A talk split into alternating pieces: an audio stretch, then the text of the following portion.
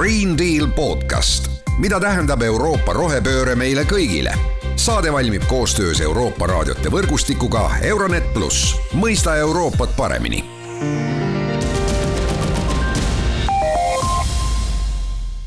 tere, head Green Deali podcasti eh, kuulajad.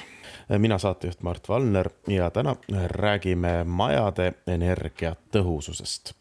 Kui energiatõhusad on Eesti majad ja mida näitab eh, see energiatõhususe märgis, seda arutasime Canon kinnisvara elamuosakonna juht Siim Kabeliga. alustasime küsimusega, et missugune on see keskmine energiamärgis meie äh, maja, äh, meie elamuturgudel ja mida see tegelikult tähendab. kui me nüüd võtame lahti nii-öelda portaali ja võtame vanema või siis nii-öelda teise ringi korterid või kolmanda ringi korterid, ehk siis järelturu.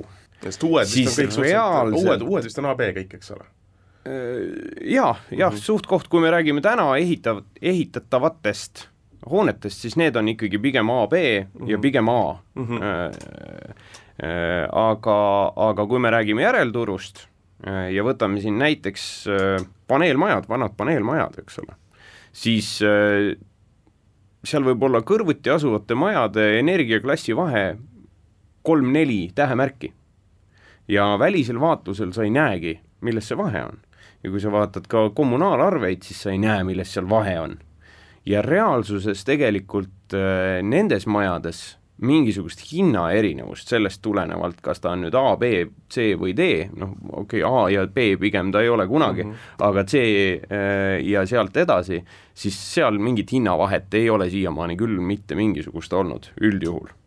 aga kuidas kolmetoaline Mustamäe korter mm -hmm. maksab sama palju kui kolmetoaline Mustamäe korter aga, aga, aga, aga kus, kus see, kus, miks, miks siis üks on kõrgema energiaklassiga, ta peaks ju, kommunaalid peaksid olema oluliselt madalamad. ta peaks ju hoidma sooja paremini, see ju ongi nende energiaklasside mõte, et sul kulub vähem energiat selle korteri üle, ülalpidamiseks. ja mingi, mingi periood oli, äh, kus energiaklasse muudeti õigemini siis mitte energiaklassi, vaid seda, kuidas saavutada energiaklassi, seda muudeti iga kahe aasta tagant, nagu loomulikult kogu aeg mhm. karmimaks, eks ole.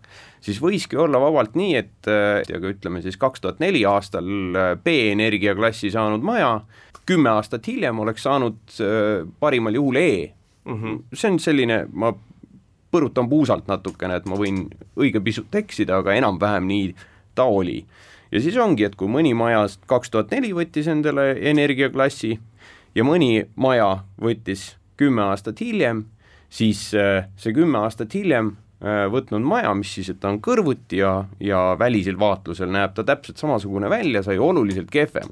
aga ega seda energiaklassi keegi ära ei võta, kui see juba mm -hmm. korra antud on, nii et reaalsuses võibki olla, kus kaks kõrvuti olevat maja, mis tegelikult on oma kommunaalkulude poolest täpselt samasugused, täpselt samamoodi soojustatud, täpselt samamoodi korda tehtud, aga energiaklassi erinevus on, on kolm-neli ühikut. aga kui nüüd üks, üks nendest majadest on nüüd nagu päriselt ka lisasoojustuse saanud ja renoveeritud, see alati ka välimuselt ei pruugi olla, olla erinev, ühe, üks üks võib-olla värvitakse üle, teisele pannakse aga nagu päriselt üks kiht juurde, eks ole, tuleb seal seal sees see kuidagi, kuidagi vahe sisse? soojustamise teema on üldse selline vahva teema, et äh, selle soojustamine ainult nii-öelda penoplasti seina kleepimine ei ole soojustamine et selle soojustamisega kaasas peab käima ka korralik ventilatsioonisüsteem, mida tihtipeale just, kui me vaatame kaks tuhat kaheksa aastal soojustatud majasid, ül-, see on jälle üldistus, seal on erandeid, aga väga paljud on äh, tehtud nii, et on väga ilus ja paks ja korralik soojustus peale pandud, aga ventilatsiooni pole uuendatud, ventilatsioon on ikka see nõukaaegne. mis sellega kaasneb, on sisekliima muutus, sisekliima läheb väga halvaks tekivad igasugused hallitused ja aknaääred on äh, nii-öelda märjad talvisel ajal, kütteperioodil, ehk siis see soo-, nii-öelda ainult, ainult soojustamine ei ole, ei ole tegelikult lahendus. ja kuhu taha see tavaliselt jäänud on, ongi raha taha jäänud see korralik soojustamine. sellepärast, et see soojustamine on ikkagi üsna suur väljaminek korteriühistutele ja siis nad teevadki valikuid võtavad selle kõige odavama pakkumise, kus ei olegi venti sees, teevad selle väliselt korda, on ilus, hea näidata, saavad ka mingisuguse energiamärgise sinna külge, mis on vähe parem kui see, mis varem oli, ja, ja tundub nii-öelda kõik ilus mm. -hmm. see venelastel on väga hea sõna selle kohta see on pakasuhha mm. -hmm.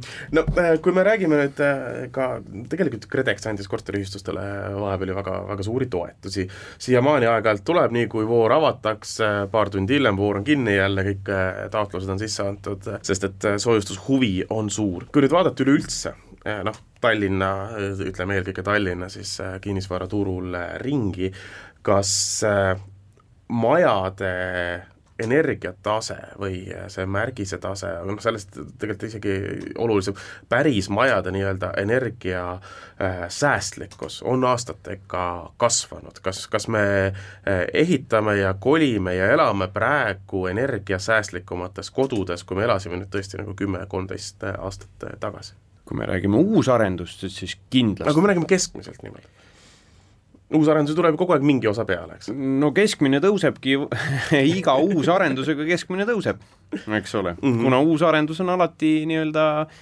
vähe parem, oma juba puht ehitustehnoloogiliselt eh, ehitusmaterjalid muutuvad kvaliteetsemaks, soojustusmaterjalid, eh, energiakandjad muutuvad paremaks, siis iga uus maja teoorias peaks olema alati -hmm. natuke parem ja iga uus maja tõstab keskmist ka ehk siis äh, võib öelda, et keskmiselt äh, elame me täna kindlasti energiasäästlikumates majades kui kümme aastat tagasi, äh, kortermajadest rääkides mm. -hmm. eramajadega on natukene natukene teistmoodi, loomulikult uued eramajad, mis ehitatakse, eriti arendajate poolt, seal on ka väga suured ehitusnõuded taga, millele arendaja siis peab selle maja vastavusse viima. Äh, sellega tõusevad ka nende, aga kui me räägime vanast mm, ehitusfondist, eks ole, need viiekümnendate, kuuekümnendate majad, mis on ikkagi valdav enamus, siis seal on väga keeruline nüüd hinnata, kas, kas need majad on paremaks muutunud või mitte, sellepärast et ega sinna väga mingisuguseid erilisi toetusmehhanisme taha pole tulnud mm -hmm. ja inimesed oma äh, teadmiste ja tahtmistega teevad seda ja oma rahakotile vastavalt.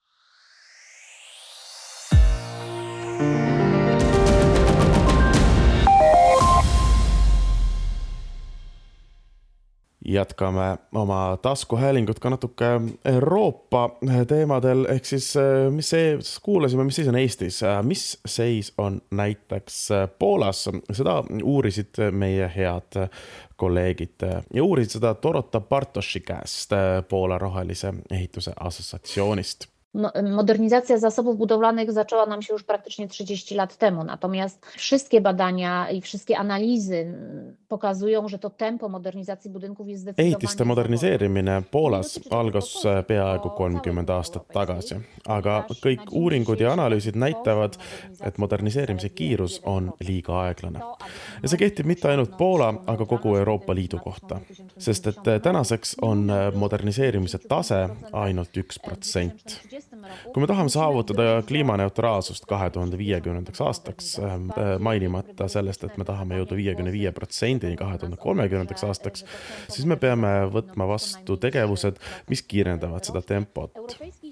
praegused nõudmised ütlevad, et moderniseerimise tempo peab olema vähemalt kolm protsenti aastas Euroopa äh, roheline äh, lepe sisaldab endas kahte numbrit, mis on laialt tuntud need on, et äh, ehitised äh, kasutavad nelikümmend protsenti energiat ja on vastutavad kolmekümne kuue protsendi kasvuhoonegaaside emissiooni eest. see on väljakutse, millele ehitussektor peab otsa vaatama ja kiiresti kiirendama tegusid, et olukorda parandada Läheme oma juttudega ka Taani. Taani Rohelise Ehituse Nõukogu direktor Mette Kuist on meie kohalikele kolleegidele seal ka intervjuu andnud i forhold til dagsordenen med at fokusere på den eksisterende bygningsmasse. kui vaadata olemasolevate ehitiste osad Taanis, siis me oleme alles alguses.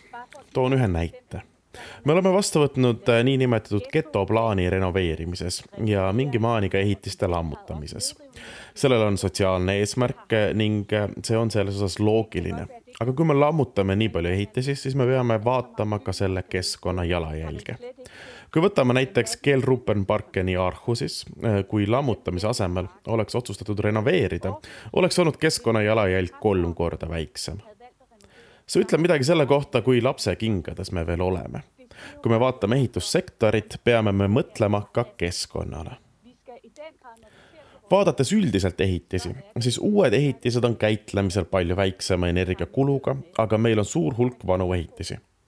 Me ei tohi praegu jääda siia puhkama selle juurde, et meil on ju olemas A, B, C, D ja nii edasi energiamärgised. me peame küsi-, kogu selle protsessi juures küsima õigeid küsimusi. mis on kõige parem lahendus just konkreetsete ehitiste jaoks? kas on olemas äh, mittefossiilne energiaallikas? kas on olemas keskküte või mõni muu hea lahendus? kui on, siis on mõistlikum säästa materjale ja energiat ning renoveerida. Me oleme Taanis väga heas seisus mittefossiilsete energiaallikatega, aga me ei keskendu materjalidele, mida me paneme ehitistesse. üks lahendus ei sobi kõigele. sõltub, mis seisus on ehitis ja kust tuleb energia